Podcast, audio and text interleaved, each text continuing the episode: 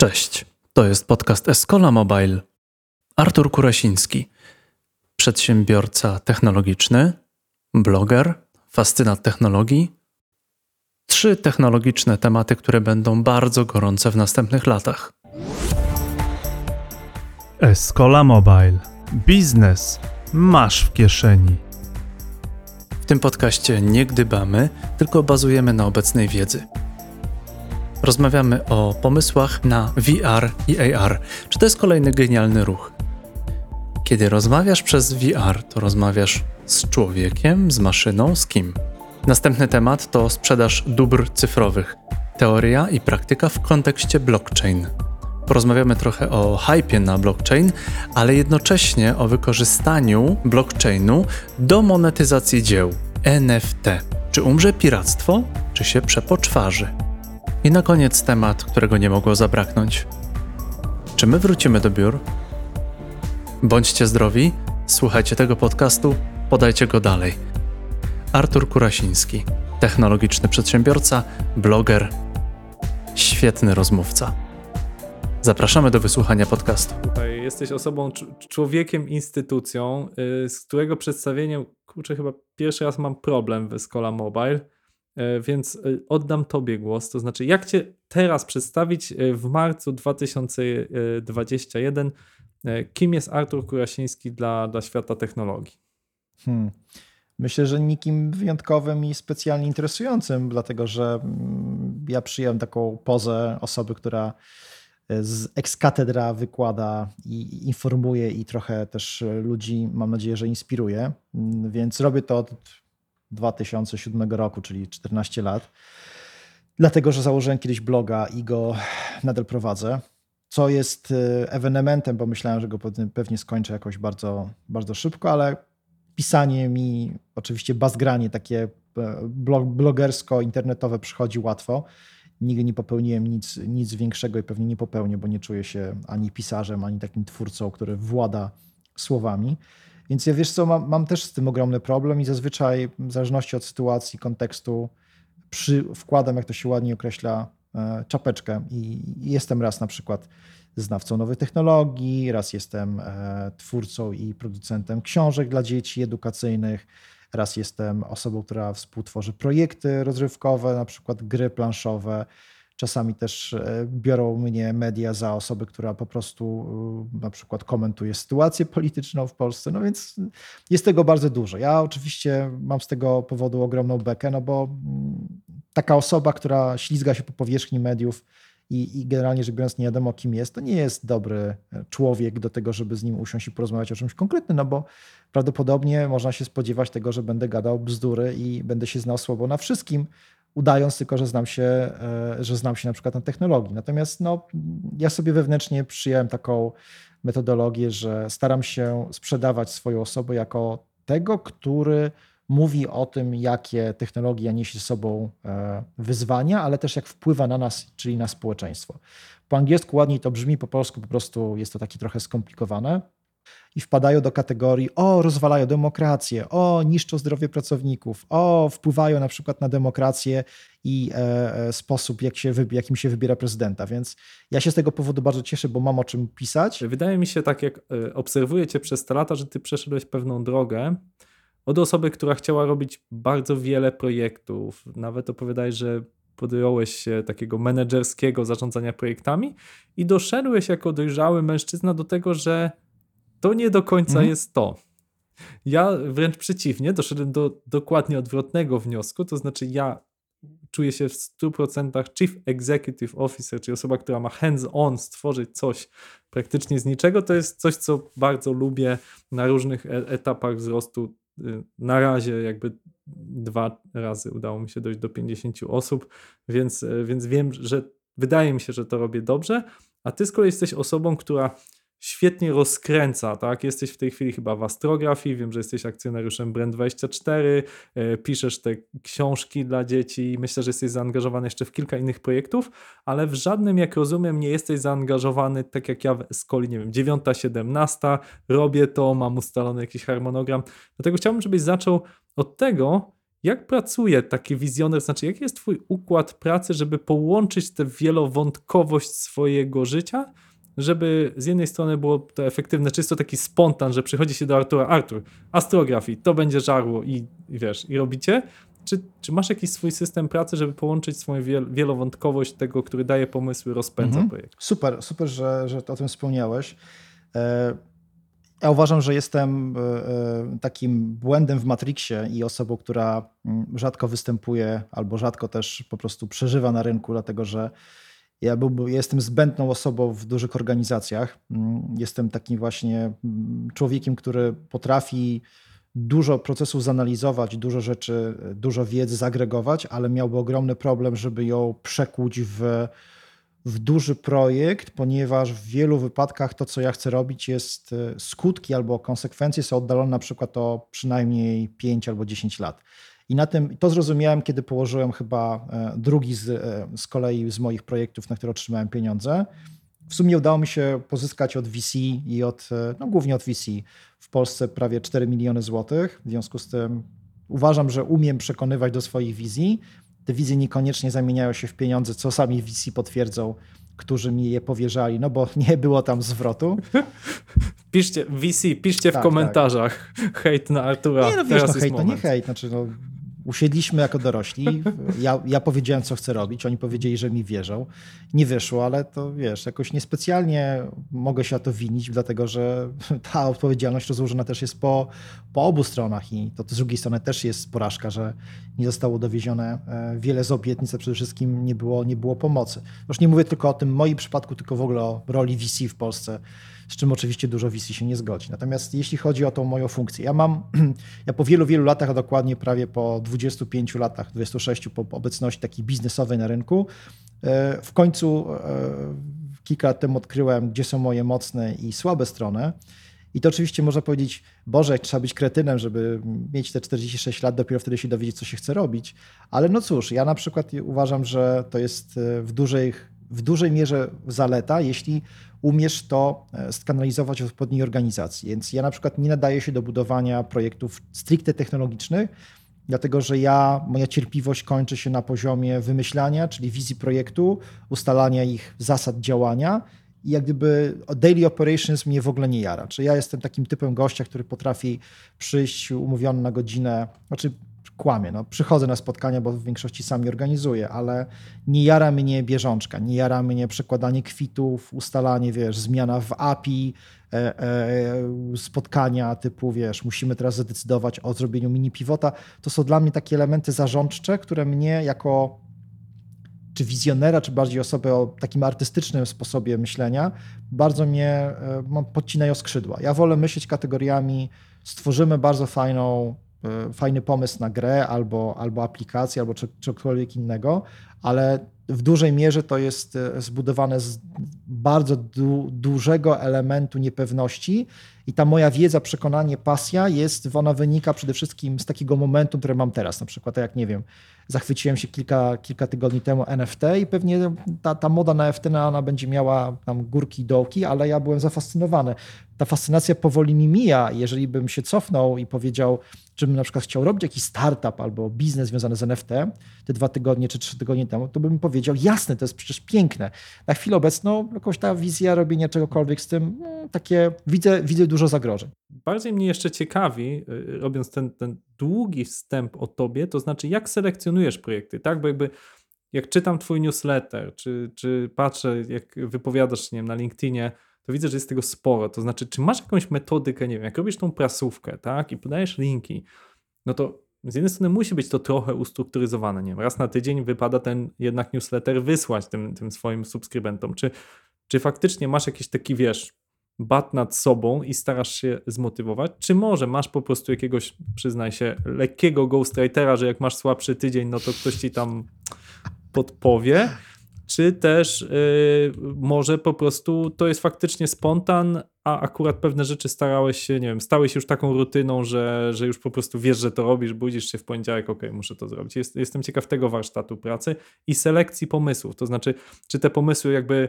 pozwalasz im płynąć i mówisz, o teraz NFT róbmy, Czy może jest tak, że obserwujesz jakoś tą prasę, masz jakiś, nie wiem, AI za tobą stoi, który ci sprawdza, jakie trendy będą istotne? Dobrze, to tak. E, e, chciałbym mieć ghostwritera, bardzo szukam takiej osoby, jeżeli ktoś słucha i chciałby pomóc mi w prowadzeniu moich mediów społecznościowych, no żartuję, bardziej pisanie artykułów, to zapraszam. To Tak, piszcie to na piszcie priv. na priv.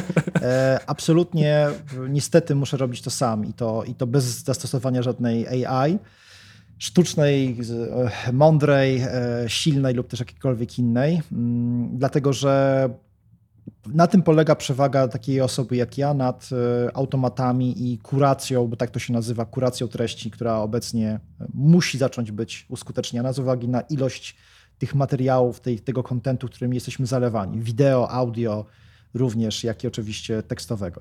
Więc nie, nie, ja mam bardzo prosty flow. Ja dużo czytam. Codziennie do mojej skrzynki wpada 200 różnych informacji z zewnątrz, to znaczy przez informacje z zewnątrz rozumiem kanały kontaktu, newslettery, jakieś update'y z różnych bardzo e, e, mediów i stron, począwszy od Chin na przykład, tego co się dzieje w Chinach z punktu widzenia geopolitycznego, przez oczywiście takie hardkorowe, normalne, zwykłe newslettery poświęcone technologiom, czyli Facebook zrobił, nie wiem, coś nowego z AR-em, e, Microsoft wydał patcha i tak dalej, do takich rozkmin bardziej biznesowych właśnie w stylu ktoś pozyskał kolejną rundę, z czym to jest związane. E, Tesla będzie za chwilę tutaj e, e, wyceniana na bazylion dolarów, bo któryś z funduszy, bla, bla, bla. No więc jak gdyby czytam to i staram się wyciągnąć z tego jakieś wnioski dla siebie wewnętrznie. Przede wszystkim chcę zrozumieć to, a stąd powstał też mój newsletter, dlatego że ja nie, nie planowałem bynajmniej tej roboty na zasadzie takiej, że ja chcę to robić dla moich czytelników. No to może teraz część z nich się obrazi, ale newsletter powstał jako efekt uboczny tego, że miałem po prostu te źródła informacji i trochę nie wiedziałem, co z nimi zrobić. Potem to wszystko pakuję do Pocketa. E, Dlaczego Pocket? Dlatego, że to jest taka bardzo prosta apka, która pozwala mi na, e, czytając na telefonie artykuł, klikam jeden klawisz, e, jedną ikonkę i z automatu ta, ten link pojawia mi się w moim wirtualnym, jak gdyby w mojej wirtualnej bibliotece. I mogę potem na desktopie, jak już tworzę taki zarys e, mojego newslettera, to otwieram sobie w jednym okienku Pocketa, patrzę jakie są ciekawe linki, które czytałem w ciągu tygodnia i na ich podstawie przygotowuję takie z grubsza podsumowanie 3-4 tematów, plus piszę wstępniaka. I to jest ta różnica, kiedy e, kilka tygodni temu podjąłem decyzję, że nie będę robił takiego zlewu nieładnego wszystkich linków, bo ludzie się po prostu łapali za głowę, bo Artur, o czym ty piszesz? Tu są samochody autonomiczne, ale też piszesz o tym, że ktoś wygrał jakiś duży grant w, Stanach i tak dalej. Bo to jest zapis taki trochę mojego nieuporządkowanego z jednej strony, z drugiej strony po prostu, no niestety, takiego strumienia świadomości, który, który przelewam, więc niektórym się to nie podobało. Absolutnie to rozumiem, bo to jest bełkot. Jeżeli czytasz, to nam nie rozumiesz dlaczego. To nie jest ustrukturyzowane, to po prostu są linki za linkami. Więc oddzieliłem te dwa newslettery. Teraz wysyłam raz na dwa tygodnie taki, nazywam to linkowisko, gdzie po prostu rzucam tylko i wyłącznie linki i część osób, o 20-20% moich czytelników powiedziało, że dla nich jest to wartościowe.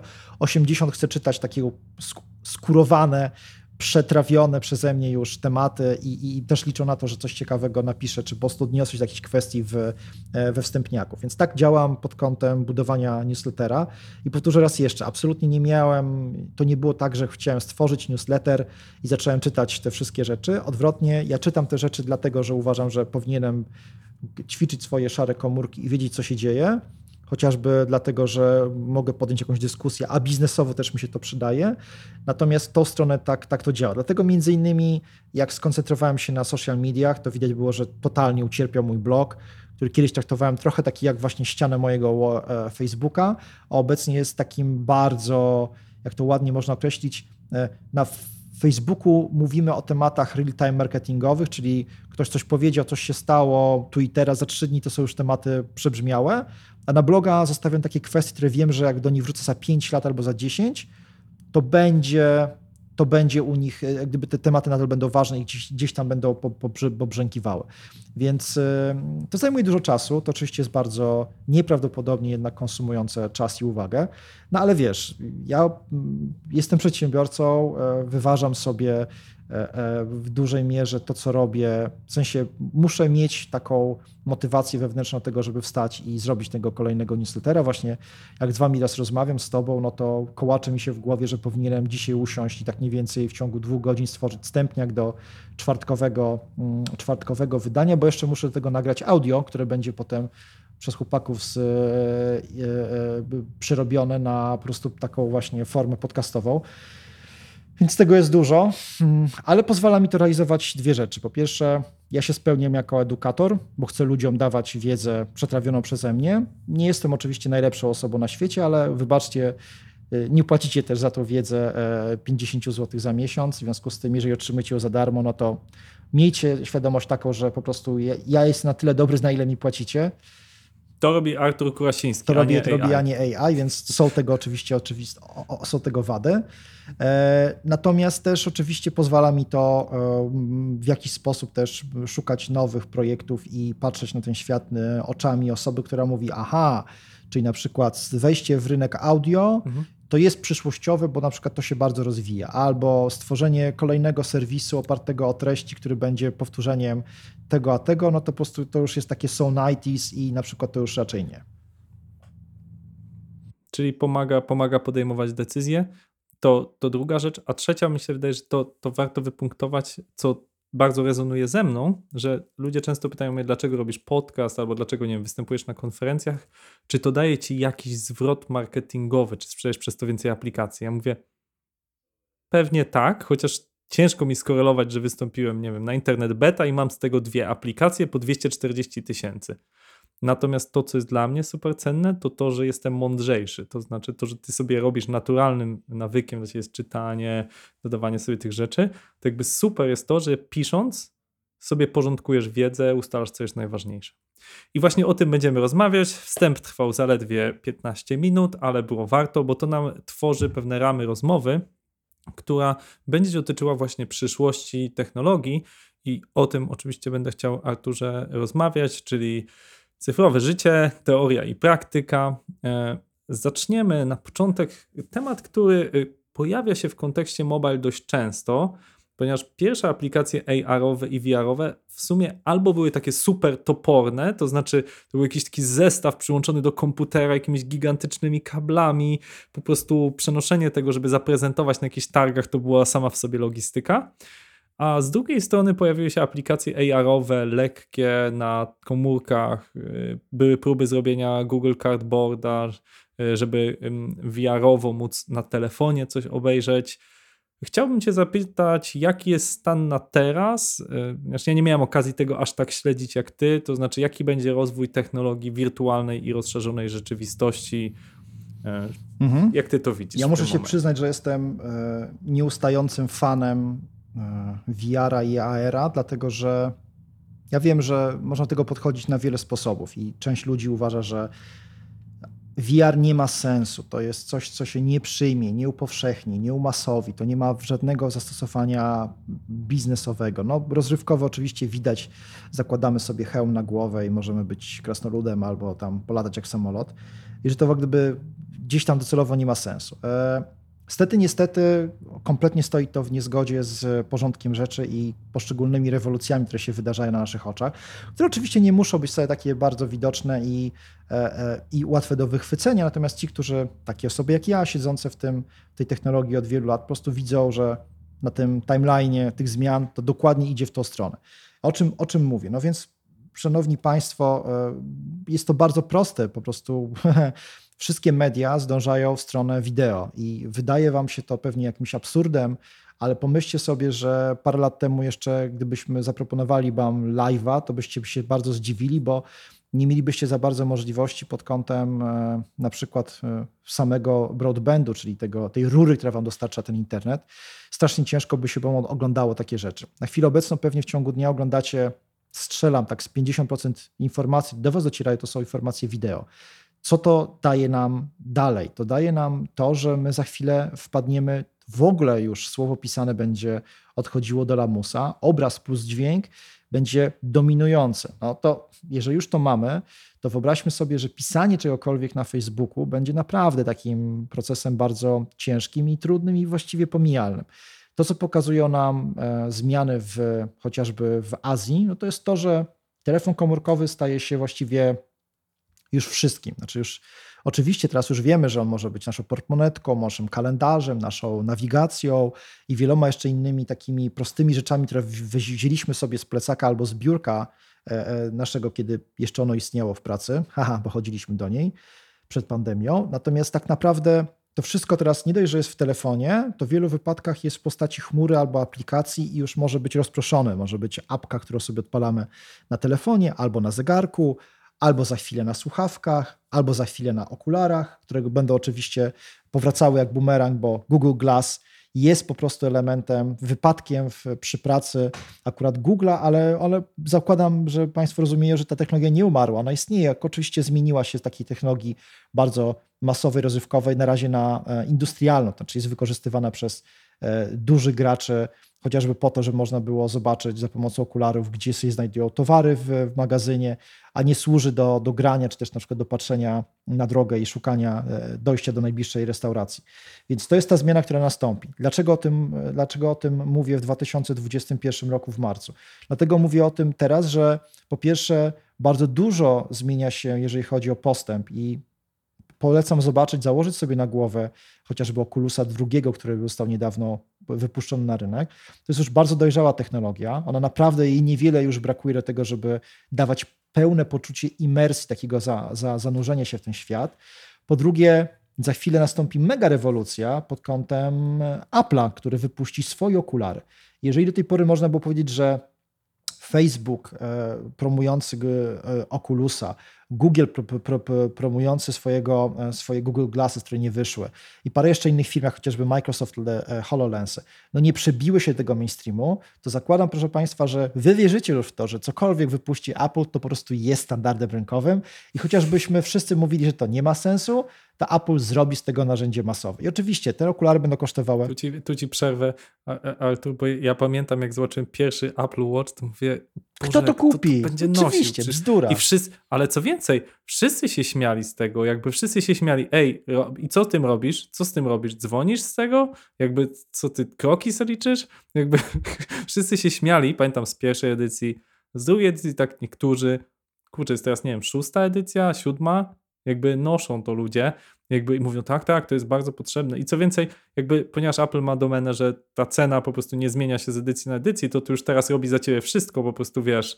e, po prostu ćwiczy za ciebie, już nie musisz chodzić na siłownię, po prostu podnosisz rękę i Zgadza wiesz, się. mięśnie rosną, to, to, to, to, dalej, to, to dalej ta cena jest ta sama i, i, i ludzie się na to łapią, nie? To, to tu masz rację, że nawet jak pierwsze okulary kupią geeki, tak, jacyś fanboye, tak, czy jakich nie nazwiemy, to edycja tam trzecia, tak, jak choćby te słuchawki, które mam, będzie tak, że po prostu sprzeda się jak świeże bułeczki na targu. Nie? E, pamiętajmy o, o, właśnie o tym rozwoju. Jak sobie przypomnicie, niewiele osób pamięta, ale e, no, iPhone to jest technologia, która zadebiutowała e, całkiem niedawno, no to on nie miał to on nie miał wtedy MMS-a, on nie miał większości funkcji, które miały inne telefony dostępne na rynku wszyscy się z niego śmiali, że to jest po prostu absurd taki totalny jest słynna, jest przez słynne e, wystąpienie e, jednego z wysoko postawionych egzeków, chyba prezesa wcześniej już Microsoftu, który wręcz śmiał się z tego, że telefon kosztujący te kilkaset dolarów biznesowy to jest po prostu jakiś absurd, nie ma szans. Oni po prostu nie mają szans tym nikogo przekonać. Minęło trochę mało czasu, a wiele i okazuje się, że iPhone nie dość, że ustanowił pewien standard rynkowy, to jeszcze stworzył całą kategorię, czyli otworzył przed nami tak naprawdę całą kategorię związaną z aplikacjami. Ten świat mobilowy wyrósł de facto na, na Apple. W związku z tym ja bez dwóch zdań nie lubię tej firmy za wiele rzeczy. Uważam ją za takiego miłego wujka, który jest po prostu bardzo, bardzo abuzywny i, zawierający mnóstwo problemów w sobie. Nie, nie sądzę też takie zmiany, które nie do końca są fajne, chociażby biznesowe, jak nie wiem, ilość trzeba kasy, którą trzeba zapłacić za aplikacje, które pobierają opłaty to uważam, po prostu to, to jest ogromną siłą Apple'a, że oni mając te miliardy użytkowników, E, właśnie to, co powiedziałeś o AirPodsach. AirPodsy, gdyby wydzielić je jako osobną dywizję, osobną firmę, to prawdopodobnie byłyby e, na tyle dochodowe, czy na pewno byłyby dochodowe, e, ich, ich gdyby war, warto, wartość rynkowa byłaby większa niż Twitter, parę jeszcze innych startupów, startupów, takich firm, które znamy z pierwszych stron gazet, więc to pokazuje, że Apple po prostu jest miazgą, miażdży konkurencję i potrafi zrobić z produktu, który wydaje się kompletnie do niczego niepotrzebny, ale w całym swoim otoczeniu, w całym swoim ekosystemie nieprawdopodobnie sensowne. I każde z tych urządzeń takie no będzie. Oni, oni e, jak, jak jest ta teoria niebieskiego i czerwonego oceanu, tak, że właśnie, żeby dążyć do tego, żeby tak naprawdę stworzyć quasi monopol, do, do tego to się sprowadza, czy też zamknięty ekosystem, do którego nikt nie ma wstępu i dzięki temu można dowolne marże kreować. I jak popatrzysz na podróbki dowolnego produktu, on jest pięć razy tańszy przy tych samych parametrach, a oni mogą i tak, i tak y, y, cenę kształtować. Ale chciałbym o AR-ze właśnie rozmawiać, bo jedną z takich e, rzeczy wspomnieć na wideo, czy choćby teraz siedzimy na takim kolu, tak, e, i, i, i ciągle się widzimy przez to wideo, Natomiast coś, co mnie irytuje jako prezesa, uczestnika tych spotkań, to że często widzę, że ktoś sobie tam pisze maile, tak nie do końca słucha na tym daily, czy jakimś tam spotkaniu managementu. I wielokrotnie mam ochotę wyjść przez ten monitor, wsadzić tej osobie właśnie te okulary takie wiarowe i zobaczyć, dobra kurczę cwaniaku, to teraz będziesz mnie słuchał. A domyślam się, że, że, że to jest jedno z rozwiązań, które widziałem jak Mark Zuckerberg pokazywał na Oculusie, tak? Że my się będziemy widzieć, tak? Założymy coś na oczy i będziemy się dużo bardziej namacalnie widzieć, bo ta imersja jest ogromna. Czy widzisz w tym przyszłość, że Facebook dąży do tego, żeby dojść do poziomu takiego zaangażowania, że ja zakładam okulary, ty zakładasz okulary, no i widzimy się w 3D, tak, rozglądamy się, ja widzę jak ty chodzisz po pokoju, ty widzisz jak ja chodzę, bo to ma jakiś tam czujnik, i że to wrażenie tego spotkania jest takie dużo żywcze niż tak, o siedzimy przy komputerze i widzimy sobie obraz w 2D, ty moją buzię, ja, ja twoją. Mhm. Absolutnie, do tego to dąży i e, to się ładnie nazywa metaverse. To już nie jest internet, nie cyberprzestrzeń, o której kiedyś rozmawialiśmy, bo z tym mam do czynienia obecnie. My jesteśmy w cyberprzestrzeni, mm, zanurzeni w jakichś aplikacjach i tam ze sobą właśnie rozmawiamy. Natomiast kolejnym krokiem jest to, co prawdopodobnie część z Was, może e, słuchaczy, znać jako Second Life. To jest takie najbardziej chyba najprostsze wytłumaczenie. To znaczy, nie ma lepszego sposobu komunikacji dla człowiekokształtnych, dla ludzi takich jak my, niż właśnie ta imersja polegająca na najwierniejszym odtworzeniu takiego naszego zachowania stadnego. To znaczy, jak się spotykamy, to widzimy siebie.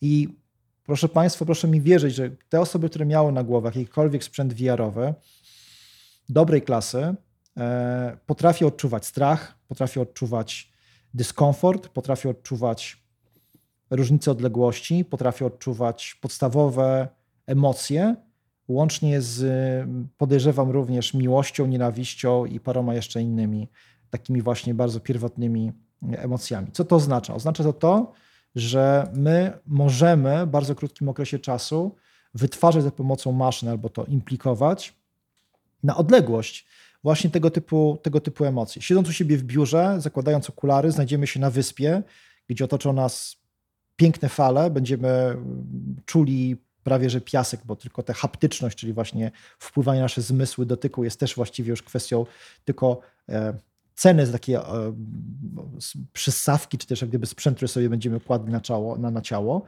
Więc poczucie tego, że znajdujemy się właśnie, stoimy wokół siebie, widzimy siebie, widzimy, że ktoś jest skoncentrowany na nas podczas rozmowy, że nie rozgląda się, nie, nie pisze sobie na, na telefonie w tym samym czasie, jest absolutnie e, czymś normalnym. I to właśnie w tą stronę idziemy. Dlatego ja powiedziałem, że Facebook nie będzie polegał na tym, żebyśmy spotykali się w przestrzeni wirtualnej, otwierali sobie takie wielkie, dwuwymiarowe e, karkusze papieru i pisali tam komunikatów i wysyłali to drugiej osoby to, nie, to tak Facebook albo żaden komunikator nie będzie wyglądał. Najbliżej temu, tej wizji, jest właśnie taką agorą wirtualną, czyli ja będę chciał się spotkać z drugą osobą, chcę zobaczyć jej twarz, bo teraz co nam to uniemożliwia? No, uniemożliwia nam chociażby to, że y, nikt by nie był w stanie obsłużyć tej mnogości plików graficznych, tego wszystkiego, żeby to wszystko miało ręce i nogi. Ale jak powiedzieliśmy wcześniej, to jest rozwój, to jest jakaś kolejna iteracja tego, tego naszego internetu, oprogramowania, możliwości przeglądarki i tak dalej. Czyli po prostu to, to, to, to, co nam da, to jest, że niezwykle silna imersja i to poczucie obecności, nawet powiedziałeś o jakichś interfejsach haptycznych, tak, że będę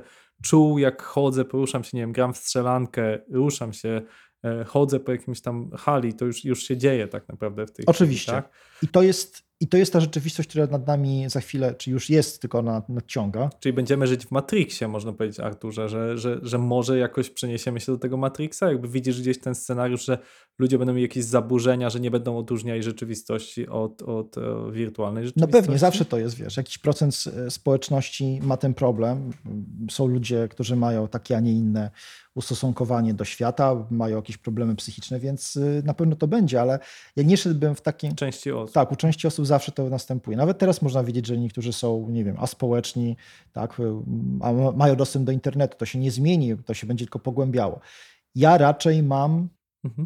No tak, no niektórzy byli aspołeczni, że tak powiem, w czasach mojej młodości, jak internet raczkował, że ludzie na przykład byli aspołeczni, bo czytali dużo książek. Na przykład. Nie? Jakby to też było straszne, Więc, nie? dużo książek tak, czyta. Nie? Co, co, co on takiego robi w życiu, dokładnie, co on tam, wiesz, wieczorami robi. Więc tu mi się wydaje, że jesteśmy w tej, tej, tej, tym takim, wiesz, momencie roz, naszego rozwoju, że mm, nie dziwi nas to, że wszyscy jadący autobusem patrzą o swoje telefony. Znaczy jest to straszne, no bo co, co, coś powinni robić produktywnego, no ale część tych osób e, pracuje, część osób się uczy, część osób e, ma jakąś rozrywkę, więc ja bym nie płakał zbytnio nad tym. Kiedyś czytaliśmy gazety wydrukowane z papieru, który był produkowany z drzew, a teraz e, czytamy rzeczy, które się pojawiają na naszych wyświetlaczach ścieków krystalicznych, więc to jest po prostu zmiana technologiczna. My spędzamy ten czas trochę inaczej, ale tak naprawdę robimy to samo, co w XIX wieku, tak? Mhm. A jeszcze Cię zapytam, bo o tym się mało mówi, bo często jak poruszamy temat AR, VR, wrzucamy to w jeden worek i jakby od razu myślimy okulary, hełmy, ale tak naprawdę ja widzę duże zastosowanie w AR-u właśnie w, telef- w mobilu, choćby dlatego, że nie wiem, chcemy y, sobie zamówić szafkę z Ikei, tak, możemy ją teraz zobaczyć w aplikacji, przypasować w naszym pokoju. E, AR googlowy, chodzę po ulicy, zwiedzam coś, nakierowując na budynki, jestem w stanie zobaczyć dodatkowe rzeczy.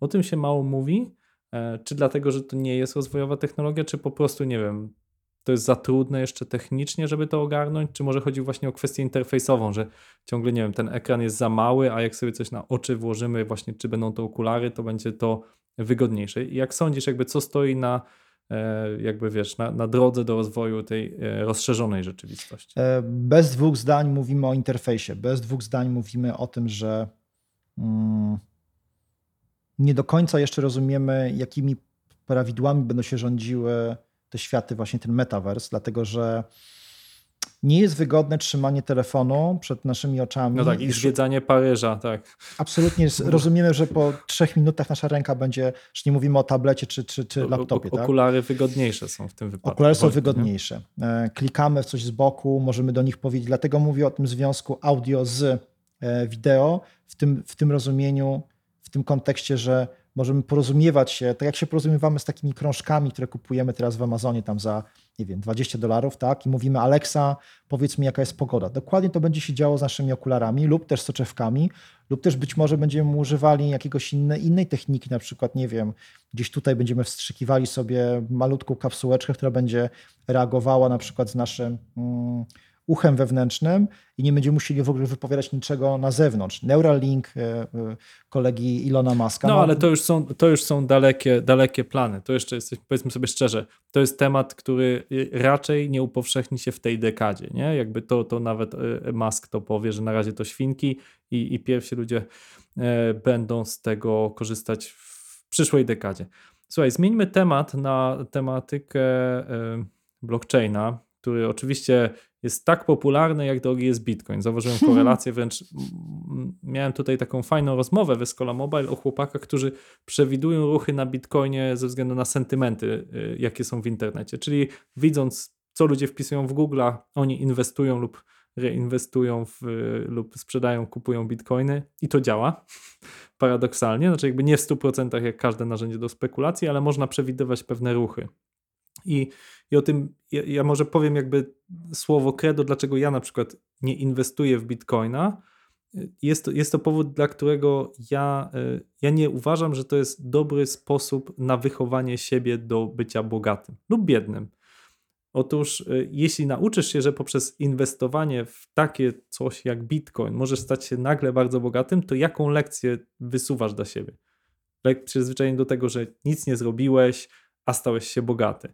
I ja, jako osoba, jak wspomniałem na początku rozmowy, która jest egzekutywna, która lubi widzieć jakiś namacalny produkt, dla mnie to jest bardzo negatywne zjawisko, które obserwuję szczególnie u młodych ludzi, nie wiem, licealistów, studentów. O, zainwestowałem w bitcoina, trafiłem w trend, zarobiłem parę tysięcy złotych. Super. Jeżeli to jest dywersyfikacja Twojego kapitału, bo go masz faktycznie dużo i sobie tam 5% jak w giełdę tam, czy w jakieś inne ryzykowne asety, ok. Natomiast mam wrażenie, że bardzo wiele osób uwierzyło przez ten hype y, blockchainowy, bitcoinowy, że ten sposób się łatwo zarabia, jest pełno reklam, które się o to opierają. Uważam to za bardzo negatywne zjawisko. No i druga rzecz y, to jest y, oczywiście kwestia środowiskowa, o której coraz częściej się mówi, czyli że to jest po prostu palenie ton CO2, żeby tak naprawdę ludzie spekulowali i stawali się bogatsi w sumie lub biedniejsi, bo też dużo osób staje się biedniejszych przez to. E, więc to są dwa powody, które przyjąłem, że nie inwestuję w bitcoiny. Natomiast oczywiście technologia blockchain jest, jest dla wszystkich ciekawa i, i tu chciałbym, żebyś powiedział trochę właśnie o tym, do czego ona może się też przydać, jakie masz tu swoje przemyślenia może o blockchainie, może są trochę inne niż ja. Mhm. E, jestem szalenie ciekaw. E, jeśli chodzi o, o, o kryptowaluty ogólnie, no ja uważam, że to jest bardzo niszczące spekulacja niszcząca w tym sensie, że jeżeli poczytamy sobie, do czego były stworzone, właściwie nie wiem, czy ktoś pamięta w ogóle, że w 2009 roku tajemniczy Satoshi ogłosił światu właśnie ideę bitcoina, de facto kryptowalut w całej swojej szerokości, pisząc taki, no taki papier, jak się ładnie nazywa, naukowy, który właśnie wykładał tą ideę tego, czym mogą być kryptowaluty. Mm, tam nie było za bardzo mówienia o etyce, o tym, czym mają być kryptowaluty i tak dalej, ale bardzo szybko, gdyby to środowisko, bardzo, bardzo dużo osób o takim nastawieniu wolnościowym podchwyciło tą ideę. I w wielu wypadkach Bitcoin jest traktowany jako element walki z centralnymi bankami, ze światem. Bardzo często powtarza się tak jak mantra. O, Amerykanie drukują dużo pieniędzy, no jakbyśmy mieli bitcoin, to by się to nie wydarzyło. Co jest po prostu absurdalnym niezrozumieniem tego, jak działają jak działa w ogóle globalna gospodarka. E, polecam zobaczyć, na jakim poziomie obecnie, e, jak w ogóle możliwa jest pomoc dla krajów dotkniętych e, pandemią koronawirusa, właśnie poprzez to, że możemy dodrukować oczywiście teoretycznie pieniądze, które nie istnieją, ale mamy dzięki temu, że jest jakiś nadzór bankowy i wiemy, jak to robić, to ta waluta, która jest dla większości bezwartościowa, no bo przecież to są sztucznie stworzone pieniądze drukowane w jakimś tam zakładzie, realnie pomagają, tak jak w Ameryce, tak samo w Europie będą pomagały chociażby nam, Polakom, wyrwać się z, e, z tej, tej pułapki stworzonej przez e, po prostu upadającą gospodarkę. Także ja mam problem taki, że nie rozumiem w ogóle gdyby idei bitcoina jako, jako waluty. Dla mnie to jest po prostu spekuła w najczystszej postaci. Zresztą ludzie, którzy się tym zajmują, absolutnie po pięciu minutach rozmowy wygłaszając takie bardzo górnolotne właśnie hasła typu to jest walka z cyfrowymi e, gigantami, to jest wiesz, wyzwolenie kompletne. Nie potrafią nic powiedzieć sensownego poza tym, że oni by chcieli nie płacić podatków i być w stanie kontrolować swoje, swój pieniądz. Co stoi zupełnie w sprzeczności z tym, czym są państwa, jak wygląda gospodarka globalna i jakbyśmy weszli na poziom bitcoinów, co zresztą po, po części się dzieje bo jednak te kryptowaluty ładnie sobie zgospodarowały bardzo ciekawe elementy naszego życia. Głównie niestety te, które leżą poza kontrolą albo nie, nie chcą być kontrolowane przez rządy czy jakieś e, e, instytucje nadzorcze, no to się nagle okazuje, że bez tego bitcoina byśmy w stanie byli żyć. Problem, jaki ja widzę, jest taki, że większość tych test, które były wygłaszane przez głównie tych właśnie mm, zapalonych e, ci, którzy ludzie poinwestowali, powiedzmy sobie szczerze, że jak poczytacie, kto jest takim bardzo największym wyznawcą Bitcoina, bo tak to trzeba powiedzieć. To jest, znam dwa typy, dwóch, dwa typy wyznawców. Ludzi, którzy wierzą w, właściwie w boskość Ilona Maska. To jest jeden typ ludzi, którzy w internecie gdzieś tam e, hasają. I drugi to są właśnie ci, którzy są bitcoiniarzami. Dziwnym sposobem obie te, obie te e, nacje zostały niedawno połączone w jedno, szczególnie kiedy okazało się, że Elon Musk również poszedł z PQE i poinwestował jako, jako Tesla w, w Bitcoina. W związku z tym teraz to już jest turbo, turbo wszystko jak gdyby pływające wokół majestatu Mus, Muska, przy okazji podlane jeszcze tym, że ta, ta firma Tesla była shortowana, więc jej akcje potwornie poszły, poszły w górę, a przy okazji też wszyscy jak gdyby tylko i wyłącznie widzą to, że Bitcoin zyskuje. Pewnie, że zyskuje i pewnie kryptowaluty mogą cały czas iść w górę, natomiast y, umówmy się, że to jest tylko i wyłącznie, y, jeżeli ktoś mówi o tym, że y, umówiliśmy się kiedyś na to, że pieniądz ma jakąś wartość, to ja przytakuję, bo taka jest prawda.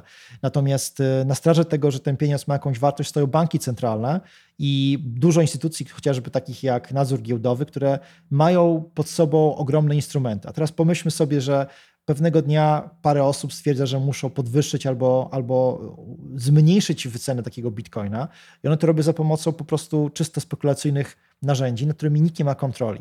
Nikt nie wie, gdzie te pieniądze są, pieniądze, kryptowaluty leżą, nikt nie wie, jakie państwa za tym stoją i tak dalej. Tak. Można było godzinami mówić, jak gdyby to, mhm. przynajmniej ja mam taką, taką to, e, więc zostawmy to Bitcoina. Myślę, że, że od, odbiliśmy, tak, odbiliśmy myśli o Bitcoina, to, to myślę, że... Wróćmy do blockchaina. Ja, ja wtrącę, wtrącę tu zdanie, bo akurat mi się bardzo podobało, jak rozmawiałem e, w Escola Mobile z profesorem Orłowskim i on powiedział, że faktycznie dodrukowywanie pieniędzy już dzisiaj nie drukuje się, tylko robi tam copy-paste, copy-paste i tam się one tworzą cyfrowo, że faktycznie jest wśród ekonomistów, a wierzę, że jeżeli profesor Urłowski o tym mówi, to, to, to znaczy, że jest wśród ekonomistów poważna dyskusja na temat stworzenia mechanizmu, który ograniczyłby drukowanie pieniędzy, tak? Bo to, że są limity konstytucyjne to jedno, a dwa, to, że ciągle można jakoś sprytnie zaszyć, tak, y, drukowanie pieniędzy tu w PFR-ze, tu jakieś długi w spółkach i tak dalej. Natomiast y, tworzenie jakiegoś blockchainowego pieniądza, który byłby dużo bardziej y, niedodrukowywalny poprzez banki centralne, też jest bardzo poważnie rozważanym scenariuszem, bo tak jak straciliśmy parytet złota, pewne rzeczy straciliśmy, pewne zyskaliśmy, natomiast być może będzie jakiś parytet takich, jak to profesor y, ujął, kluczowych zasobów, nie wiem, ropy, gazu i tak dalej, które będzie można, ograniczy się po prostu spekulowanie na nich. Temu to będzie służyło. Jest to strasznie ciekawa dla mnie idea, że bank centralny tak tworzy swojego jakiegoś Polish coina, którego jest skończona ilość i nie może jakiś chciwy polityk po prostu tego dodrukować, tak? bo z tym też wiążą się problemy. Ale to jest już fakt, to się dzieje w Chinach i Chiny myślę, że będą pierwszym dużym państwem, dużą, dużą gospodarką, które po prostu stworzą własną cyfrową walutę narodową i ona będzie oparta o blockchaina i ona się nie będzie niczym różniła od e, bitcoinowych e, postaci jak gdyby pomysłu na, na technologię, natomiast będzie kontrolowalna. I to absolutnie się zgadzam. Jedyna metoda na to, żeby bitcoin i kryptowaluty się upowszechniły, to jest oddanie ich pod kontrolę rządów i, i banków. Jak gdyby absolutnie nie wierzę, żeby ktokolwiek na świecie... Ja tak dam taki bardzo prosty przykład. Państwo żyje z tego, ile ściągnie podatków. Więc jeżeli oddamy możliwość generowania chowania tych pieniędzy poprzez zakup kryptowalut, de facto unikania ich opodatkowania, to okazuje się, że państwo przestaje mieć swoje funkcje. Nie może nas chronić przed e, e, złodziejami, bo nie będzie miało z czego płacić budżetu policji. Nie będziemy mieli ko, ko, kim nas leczyć, bo nie będziemy mogli płacić za lekarzem. Spróbujemy porozmawiać trochę o tym nowym zjawisku, którym jest cyfrowe zabezpieczanie dzieł, czyli NFT. Opowiedz jakby jednym zdaniem, jak, o co tu chodzi i dlaczego jest to jakby istotny trend, który przez parę tygodni e, sens powiek ci zabierał.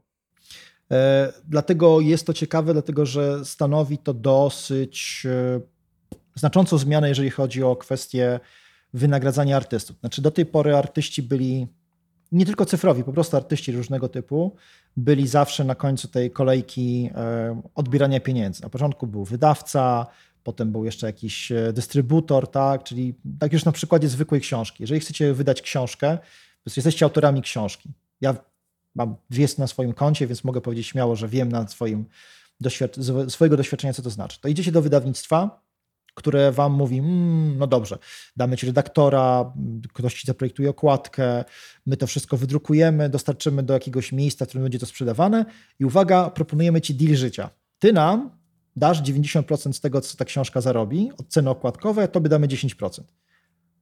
Ale fajne, nie? Znaczy po prostu człowiek się budzi rano myśli, wow, chcę oddać 90% swojej ciężko stworzonej pracy komuś innemu. No ale oczywiście my liczymy, twórcy, autorzy, pisarze na to, że te 10% nas będzie na przykład kilkaset tysięcy albo kilka milionów. I takie przykłady oczywiście są, bo, bo też oczywiście, jeżeli mówimy o pisarzach większej klasy albo też po prostu lepiej się sprzedający, no to oni otrzymują inne propozycje, lepsze. To może być 15, 20, może nawet jeszcze więcej. Ale umówmy się, że takich osób jest bardzo mało. To może być Sapkowski, nie wiem, Wojtek Chmielarz, Miłoszewski, parę jeszcze innych osób, które znamy z, e, jako, jako duże nazwiska. Natomiast cała reszta takich osób jak ja czy ty, jak pójdziemy do wydawnictwa, na dzień dobry otrzymamy propozycję życia 10% ceny okładkowej. No więc teraz tak, możemy oczywiście pójść self-publishing, ale nadal mówimy o wydawaniu książek kompletnie mm, papierowych. A powiedzmy, gdy będę jeszcze w gorszej sytuacji, bo będę artystą tworzący na przykład grafiki. Teraz tak, mogę je sprzedawać wydawnictwu, ale de facto ja muszę zawsze je wydrukować na czymś. Muszę, muszę, muszę mieć plakat, muszę mieć kawałek papieru i tak dalej. I teraz pojawiła się taka opcja, że no przecież jest internet, a w ogóle wszystko jest powoli digitalizowalne, w związku z tym ja mogę zrobić kopię, mogę wziąć ze skanera, wsadzić tę moją grafikę i zrobić jej kopię. No dobra, ale jak wrzucę ją jako JPEG do internetu, no to ktoś ją pobierze i co? No ja będę miał po prostu z tego 0 zł. Nagle się pojawiła opcja o, gdyby zabezpieczenia albo inaczej, przypisania temu dziełu cyfrowemu pewnego znaczka, takiego kodu, takiego ID, które by go identyfikowało, właśnie za pomocą technologii blockchainowej. I to się nazywa w dużym skrócie non-fungible tokens, czyli tokeny niewymienialne. Jaka jest różnica między tokenami wymienialnymi a niewymienialnymi? No, tokenem wymienialnym jest na przykład Bitcoin, to znaczy ja mogę taki e, token otrzymać i on może dla mnie oznaczać jakąś tam wartość, natomiast nie jest dla mnie ważne, jaki to będzie token. Znaczy Bitcoin to jest Bitcoin, trochę jak ze złotówkami, banknotami albo monetami. Dla was nie jest ważne, czy dostaniecie banknot X czy Y. Jeżeli on ma wartość 20 zł, dla was oznacza to 20 zł. A przy okazji NFT, czyli tego non-fungible tokens, jest różnica dokładnie, jaki dostaniecie kawałek papierka. I to dokładnie trafia w kategorię możliwości oznaczenia dzieł cyfrowych na takim poziomie, że ja jako autor określam, że to jest oryginałem, a wszystko reszta jest kopią. No i zaczynamy bawić się w znaną normalnie od dawien Koniec dawna. piractwa. Po pierwsze jest to koniec piractwa w jakimś, na jakimś tam Może, poziomie. tak? Oczywiście ktoś musi zgłosić prawo do tego dzieła, ktoś musi fizycznie, fizycznie podjąć ten, tą, e, podjąć tą e, e, działalność związaną z tym, żeby ten token przestawić, jak gdyby dokonać jego autoryzacji. Więc w związku z tym zaczynamy mieć problem taki, że dużo osób się zgłasza, mówi na przykład, o Mona Lisa to jest mój, mojego dzieła, tak? Więc twórcy tych platform, na których te dzieła są wystawiane, no muszą w jakiś sposób teraz szybciutko badać, czy ktoś jest faktycznie autorem, czy nie. Powodzenia, bo to będzie I kto, to ma, I kto to ma uznać, tak? I kto to ma uznać, bo znowu bez państwa musi powstać jakaś instytucja, tak? I znowu mamy szereg pytań, tak? Po pierwsze. Po drugie, e, ok, mamy tych autorów, którzy mówią, to jest moje dzieło, je sprzedają. I tak naprawdę pytanie numer dwa jest takie, a co właściwie dokonujesz w tym procesie? Co się handluje w takim procesie? Okazuje się, że ty nie otrzymujesz prawa do samego dzieła, tylko otrzymujesz prawo de, facto do licencji na to dzieło. A po trzecie, problem jest taki, że wszystko opiera się na o zapisie, e, będącym zapisem de facto bardzo prostym, a jednocześnie musiejącym, ktoś musi go przechować w odpowiednim, w odpowiednim miejscu. W związku z tym, jeśli na przykład taka giełda pewnego dnia, platforma, na której się sprzedaje te NFT, przestanie istnieć, bo ktoś wyłączy prąd, bo ktoś się włamie tam, bo ktoś skasuje takie rekordy, to wszystkie zapisy, te znaczki oryginalności związane z pewnymi z tymi dziełami znikną. W związku z tym, no wiecie, jak się tak na to popatrzy, to się nagle okazuje, że stary, dobry sposób, że ktoś ma, nie wiem, kopię w postaci papierowej, zamyka ją w skarbcu albo wiesza ją na ścianie w muzeum, jest najlepszy. E, Ten świat cyfrowy wbrew pozorom nie rozwiązuje tych problemów, o których, którymi mamy do czynienia z, od, od, setek, e, od setek lat. Więc NFT dla mnie jest świetnym pomysłem na to, jak wyjść z pewnego impasu, ale dzięki temu, jak zawsze, jak ta technologia, rodzi kolejne problemy. I to nie znaczy, że to już zawsze będzie tylko szło w dobrą stronę, dlatego że e, znowu problem, który jest podnoszony całkowicie realnie, jest problemem związanym z znowu spekulacją wartością kryptowalut, bo, żeby było jasne, żeby kupić takie dobro cyfrowe, my, my możemy użyć tylko i wyłącznie Ethereum, takiej waluty, kryptowaluty, która jest nazywana programowalnym tokenem. Czyli ja mogę mu przypisać pewne cechy, na przykład powiedzieć, że zrób taką czyn, czy wykonaj takiej czynności, jeżeli zadzieje się to, to i to. Bitcoin tego, takiego, takiej opcji operacji nie ma, ale Ethereum ma. I co się teraz dzieje? Żeby stać się twórcą, który może dokonać autoryzacji swojego dzieła, ja muszę założyć konto, muszę kupić Ethereum, muszę napełnić gazem, muszę podjąć parę innych rzeczy, które są strasznie ciężkie, techniczne. Próbowałem to robić, poddałem się na pewnym poziomie, jeszcze bank mi, bank mi przyblokował kartę, w związku z tym e, nie, na pewno nie jest to proces łatwy, przyjemny i, i dostępny dla każdego. No i pod koniec dnia my dokonujemy operacji właśnie na poziomie tego Ethereum, czyli kryptowaluty. I znowu okazuje się, że jak tak popatrzeć się z boku na to wszystko, to po prostu jest całkiem niezła pompka spekulacyjna na to, żeby podwyższać cenę jednego, jednej z kryptowalut, nawet kosztem tego, że kilku gości się z, zgłosi, e, zmówi i na przykład kupią za 69 milionów dolarów pewne dzieło cyfrowe, wtedy o tym usłyszy cały świat, ale pomyślmy sobie, że jeżeli byliście takimi kryptomaniakami 10 lat temu, kupiliście po zupełnej taniości nie wiem, bitcoina czy cokolwiek innego, to teraz możecie, przelicznik pewnie jest taki, że zarobiliście na tym już pewnie z kilkadziesiąt milionów dolarów. Więc wydanie na przykład do miliona dolarów z waszej puli, która jest cały, cały czas rośnie, bo ten bitcoin idzie w górę, po to, żeby jeszcze zwiększyć tą wycenę, tą pompkę, tą spekulację, dla was jest no-brainerem i to zrobicie z czystej przyjemności. Więc teraz Oczywiście każdemu się to opłaca, kto już posiada kryptowaluty. Dla tych, którzy tych kryptowaluty nie posiadają, no to jest duży problem, bo gdyby ten próg wejścia jest dosyć wysoki. Więc ja mam w głowie obecnie taką walkę między tym, że oczywiście pomijając już to, że e, generowanie kryptowalut, tworzenie ich zawiera w sobie ten pierwiastek niszczenia środowiska naturalnego i tu wielu twórców, szczególnie tych, którzy mają tą wrażliwość społeczną i ekologiczną, bardzo mocno o tym mówi i nie chce się do tego dokładać Zresztą sam byłem świadkiem rozmów między całkiem poważnymi twórcami, którzy naprawdę szli ze sobą na noże, kiedy dowiedzieli się, że ArtStation, czyli jest z takich największych platform, gdzie się pokazuje swoje cyfrowe portfolio, właśnie ogłosiło, że będzie pozwalało swoim twórcom na dokonywanie właśnie transakcji za pomocą NFT. Tam się polała prawie, że krew wirtualna i ludzie, ludzie rzucali kontami, wychodzili, kasowali, bo nie chcieli być w procesie czy kojarzeni z taką właśnie firmą, która cokolwiek ma wspólnego z NFT. Więc odpowiem tylko tyle ciekawe podejście do tego, jak pomagać twórcom, posiadający ogromne problemy i pewnie choroba wieku dziecięcego jeszcze tutaj będzie wiele takich e, problemów uwypuklała. Natomiast jest to ciekawe z punktu rozwoju technologicznego i jest to ciekawe do tego, że to jest kolejne użycie blockchaina, który ma oczywiście związek z kryptowalutami, ale moim zdaniem jest to o wiele bardziej służące czemuś po raz pierwszy, niż zwykła spekulacja, nabijanie kursu jednej czy drugiej waluty po to, żeby po prostu ją sprzedać z e, drożej. To nie jest moja bajka, po tym się nie chciałbym podpisywać, dlatego śledzę to i jestem tego, tym zafascynowany. Ostatnio telefon mi przypomniał, że e, rok temu zostaliśmy na dwutygodniowy lockdown zamknięci. Powiem szczerze, że ja w dużej mierze wiele zawdzięczam pandemii. Zmieniłem miasto zamieszkania, mieszkam teraz w domu, a nie w bloku E, mam jakby więcej przestrzeni życiowych, mam ogródek. E, cieszę się, że nie marnuję czasu na jeżdżenie po tych wszystkich konferencjach, na które sporo, sporo czasu schodziło. Nie palę benzyny bez sensu. Oczywiście bardzo tęsknię za niektórymi spotkaniami i networkiem, który dzięki temu można było nawiązać, ale biorąc na szale jedno i drugie, gdyby tylko te efekty wziąć pod uwagę, a nie to, że ludzie faktycznie, faktycznie chorują i, i tracą zdrowie, niektórzy tracą życie, e, to, to, to uważam, że wiele rzeczy się zmieniło in plus. I chciałem Cię zapytać, e, jak Ty to podsumowujesz i, i co przewidujesz, ponieważ masz pewnie dostęp do, do ciekawej wiedzy, do insightów. Czy możesz coś poradzić osobom, które nas słuchają, robią biznesy albo pracują i zastanawiają się, czy nie wiem, nie podjąć jakiejś ważnej życi życiowo decyzji? Ile to jeszcze będzie trwało i jakie będzie miało skutki?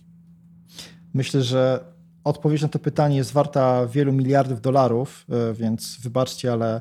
E, w bitcoinach. W bitcoinach oczywiście. Może nie słuchajcie mnie teraz jako wyrocznik, która wam powie, kiedyś skończy się pandemia, tylko bardziej posłuchajcie moich argumentów, które płyną ze śledzenia tego, co się dzieje wokół nas. Mamy dwa, dwie możliwości. Pandemia wygaśnie sama, to znaczy my się zarazimy jako społeczeństwo na takim poziomie, że przechorujemy to, oczywiście ze stratami wśród ludzi, którzy po prostu muszą umrzeć, żebyśmy. E, muszą umrzeć ludzie, bo taka jest zawsze cena e, pandemii. No i wtedy nabierzemy tej magicznej odporności zbiorowej i, i te 60-70% osób, która już przechoruje i będzie żyła nadal, ona będzie miała w sobie przeciwciała i potem będzie już ta pandemia wygasała, bo nie będzie tylu znowu ludzi, którzy się będą zarażać. To jest jak gdyby taki najprostszy pierwszy element. Drugi jest związany z wyszczepieniem, czyli ze stosowaniem szczepionek. Tutaj ponownie musimy mieć przynajmniej 50%, tak byłoby najlepiej. Tylko ze szczepionkami plus jest taki, że my będziemy starali się ochronić automatycznie tych, którzy prze, przechodzą tą chorobę najbardziej negatywnie. Znaczy osoby starsze, posiadające choroby współistniejące i tak dalej. Tu możemy tym sterować, bo w przypadku odporności stadnej nie ludzie będą umierali dlatego, że się zarazili tak i mają po prostu słaby organizm, mają jakiś feller, którym nie wiedzieli. Więc to są takie dwa elementy, które mogą, e, nas to, mogą przyspieszyć zakończenie pandemii. E, choroba, znaczy odporność stadna jest procesem nie, niekierowalnym, będącym nieprawdopodobnie ciężkim z uwagi na koszt społeczny.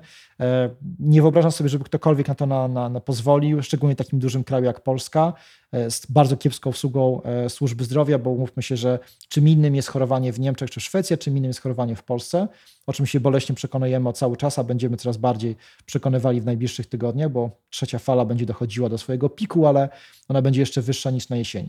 Więc zostaje ten wariant szczepionkowy. Tutaj musimy się liczyć z tym, jakie są moce przerobowe, ile tych szczepionek jest, jak wygląda to pod kątem e, możliwości dostarczania od po prostu firm, które te szczepionki produkują. Więc ja myślę, że realnie my się musimy spokojnie mierzyć z tym problemem. To znaczy, musimy myśleć o tym, że my wyjdziemy na ulicę, nie bojąc się tego, że pomimo tego, że będziemy cały czas nosili maseczki, w moim przekonaniu to jest najbliższe dwa lata, to jest minimum, sorry, e, ale ten problem to znaczy zniknie jeszcze dopiero... dwa lata, tak? Tak, jeszcze, jeszcze dwa lata. Dwa tak. lata. Jeszcze dwa lata z uwagi, być może to nie będzie tak bardzo skrupulatnie przestrzegane, natomiast ludzi, którzy na przykład będą się bali o swój stan zdrowia, albo pojawią się mutacje, albo pojawią się przypadki, że jednak osoby, które już e, przeszły covid będą się zarażały, to jest, to jest całkowicie normalne, tylko będą to lżej przechodziły. E, ale myślę, że maseczki zostaną, będą zalecane, może nie będą tak bardzo jak obecnie skrupulatnie nam na, narzucone, ale myślę, że dużo osób będzie nosiło. Ja na przykład zamierzam nosić maseczkę na pewno w środkach komunikacji, tam gdzie się będę spotykał z ludźmi, chyba, że to będzie krąg zaufany. Także tu musimy, w tym drugim wariancie musimy bardzo łatwo, jak gdyby, znaczy musimy, musimy polegać na szczepionkach. Szczepionki myślę, że mają szansę w Polsce być dostarczone do takiego poziomu akceptowalnego, czyli właśnie poziomu 50%. Niestety dopiero pod koniec roku, chyba że uda się wyszczepić te osoby najbardziej narażone, czyli 60-65+, plus, i one, widzimy, zaczniemy tam spadek obserwować najbardziej groźnych powikłań.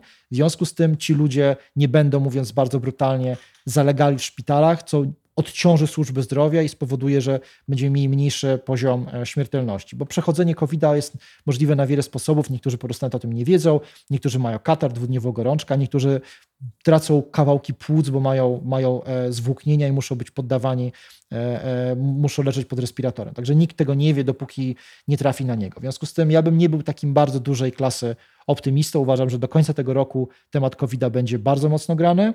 Spodziewałbym się tak naprawdę lekkiego odpuszczenia sobie na wiosnę 2022 roku, a tak naprawdę myślę, że o COVID zaczniemy zapominać dopiero w 2023 roku. I to jest moja taka wewnętrzna, moja e, gdzieś tam moje przewidywanie tego, co się będzie działo w bliskiej przyszłości.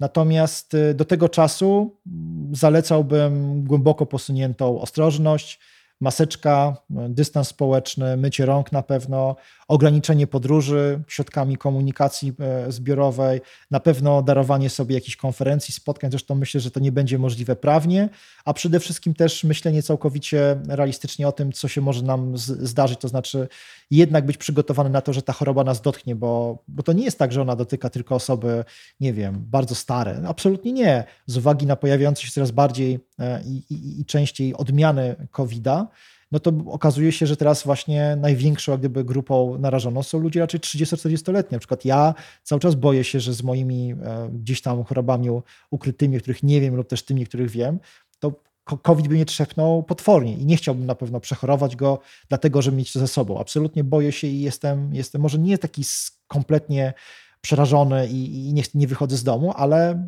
wiem, że podejmuję ryzyko. Jak gdyby zawsze sobie to wpisuję gdzieś tam w, moją, w moje działanie, czy pójść na spotkanie biznesowe to jest jednak sensowne, czy może lepiej to zrobić za pomocą jakiegoś kola wideo. Więc nie mam dobrych informacji e, i zalecałbym też daleko posuniętą ostrożność też w ferowaniu tych wyroków, czy też jak gdyby takich, e, mm, nazwijmy to, och, to na pewno się skończy w tym roku.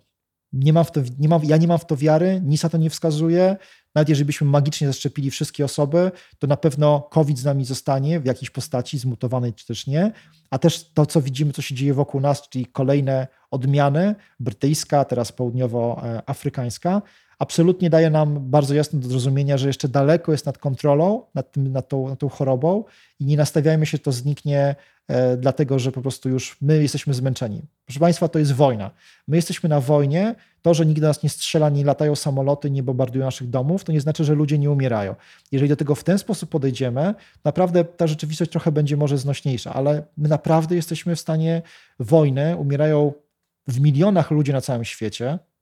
Niektóre państwa radzą sobie lepiej, natomiast y, my jesteśmy w Polsce. My żyjemy w kraju, w którym jest y, niedostatek wielu rzeczy, a już na pewno mamy problem z opieką zdrowotną, z słuchaniem się i wydawaniem też rozsądnych zaleceń strony osób nami rządzących, więc nie, nie idzie na pewno to w dobrą stronę i pewnie najbliższe tygodnie temu będą niestety, to, to, tego będą potwierdzenia.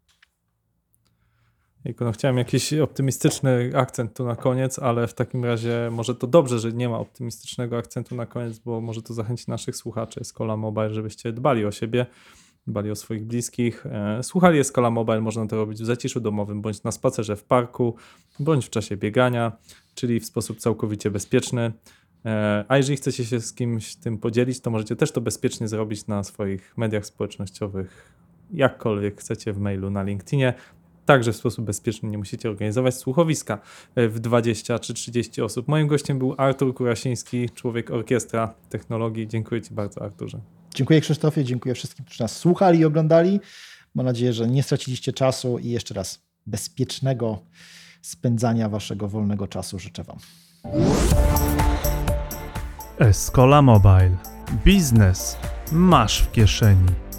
Dziękujemy za Twój czas i za to, że spędziłeś go z nami. Od pewnego czasu na Apple zmienia się przycisk. Wcześniej ten przycisk nazywał się subskrybuj. Teraz będzie się nazywało follow, ewentualnie obserwuj. Ale nieważne na jakiej platformie nas słuchasz. Jeśli jest to Podcast Addict, Spotify, iTunes, Apple Podcasts, Podcast Castos, wszystko jedno. Sprawdź, czy zafollowowałeś, czy zasubskrybowałeś czy co tydzień będziemy mieli okazję trafić do Twojego smartfona i na przykład odesłać Cię do naszego bloga, gdzie jest nieco więcej informacji. Bardzo Ci dziękujemy, że jesteś z nami. To był podcast Escola Mobile. Gościliśmy Artura Kurasińskiego, numer 63. Do usłyszenia.